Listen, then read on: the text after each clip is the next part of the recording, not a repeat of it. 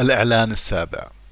رؤيا ثلاثة من 14 ل 22 راح أقرأ بس العدد 14 واكتب إلى ملاك كنيسة اللاوديكيين هذا يقوله الآمين الشاهد الأمين الصادق بداءة خليقة الله.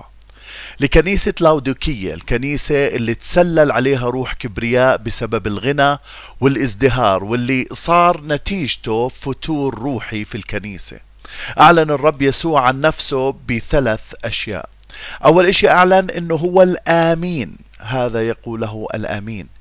الأمين يعني الإقرار والتأييد. كلمة آمين بعد الصلاة بتعني الاتفاق والمصادقة.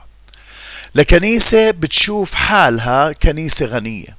الرب يسوع بيقول لها أنا الآمين. أنا اللي بصادق على وضعك مش أنت. اسمعوني أحبائي.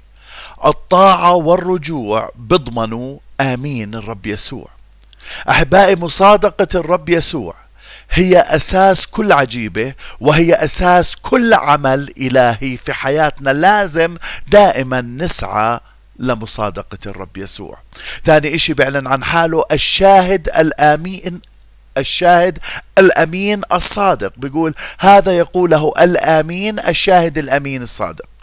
الرب يسوع هو الشاهد لحق الله وشهادة الرب يسوع الأمين الصادقة إلها شقين. الشق الأول أنه بمجيء الرب يسوع على الأرض بتعاليمه والآيات والعجائب اللي عملها وهو موجود على الأرض هو شهد إلنا وأعلن إلنا حق الله وخطة الله ومشيئة الله عشان ناخذ الخلاص. والشق الثاني الرب يسوع هلا بيشهد إلنا عند الله عشان يكمل إلنا الخلاص. عشان هيك اسمه في عبرانيين 12 رئيس الإيمان ومكمله مش بس ببلش الإيمان لكن هو بكمله للآخر. اسمعوني أحبائي الرب يسوع جدير بكل الثقة. لأنه الشاهد الأمين. ثالث إشي بيعلن عن نفسه أنه بداءة خليقة الله. بيقول هذا يقوله الأمين الشاهد الأمين الصادق بداية خليقة الله. يعني أصل الخليقة ومصدرها وفي بداية كل الخليقة. هذا الإعلان مهم جدا لمكانة ومجد الرب يسوع. أحبائي الرب يسوع كإنسان له بداية. لكن كالله هو البداية. كل إشي انخلق بالمسيح. الخليقة الأولى والخليقة الثانية. الخليقة الأولى اللي هي الخليقة الجسدية والخليقة الثانية اللي اللي هي الخليقة الروحية يعني الكنيسة.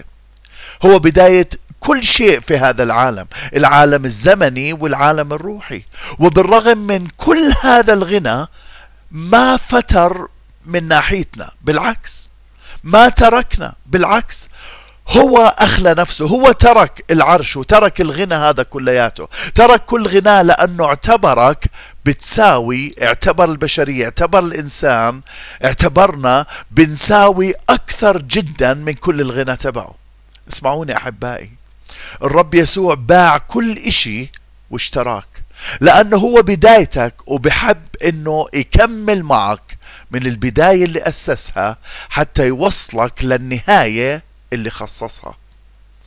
نصيحتي إلك أحبائي بنهاية السبع إعلانات اللي شفنا فيهم قوة الرب يسوع شفنا فيهم قدرة الرب يسوع شفنا فيهم مجد الرب يسوع. نصيحتي أوثق فيه واتكل عليه بس بالأول اعمل دورك. وهو رح يضمن كل حياتك رح يضمن كل مستقبلك. الرب يبارككم.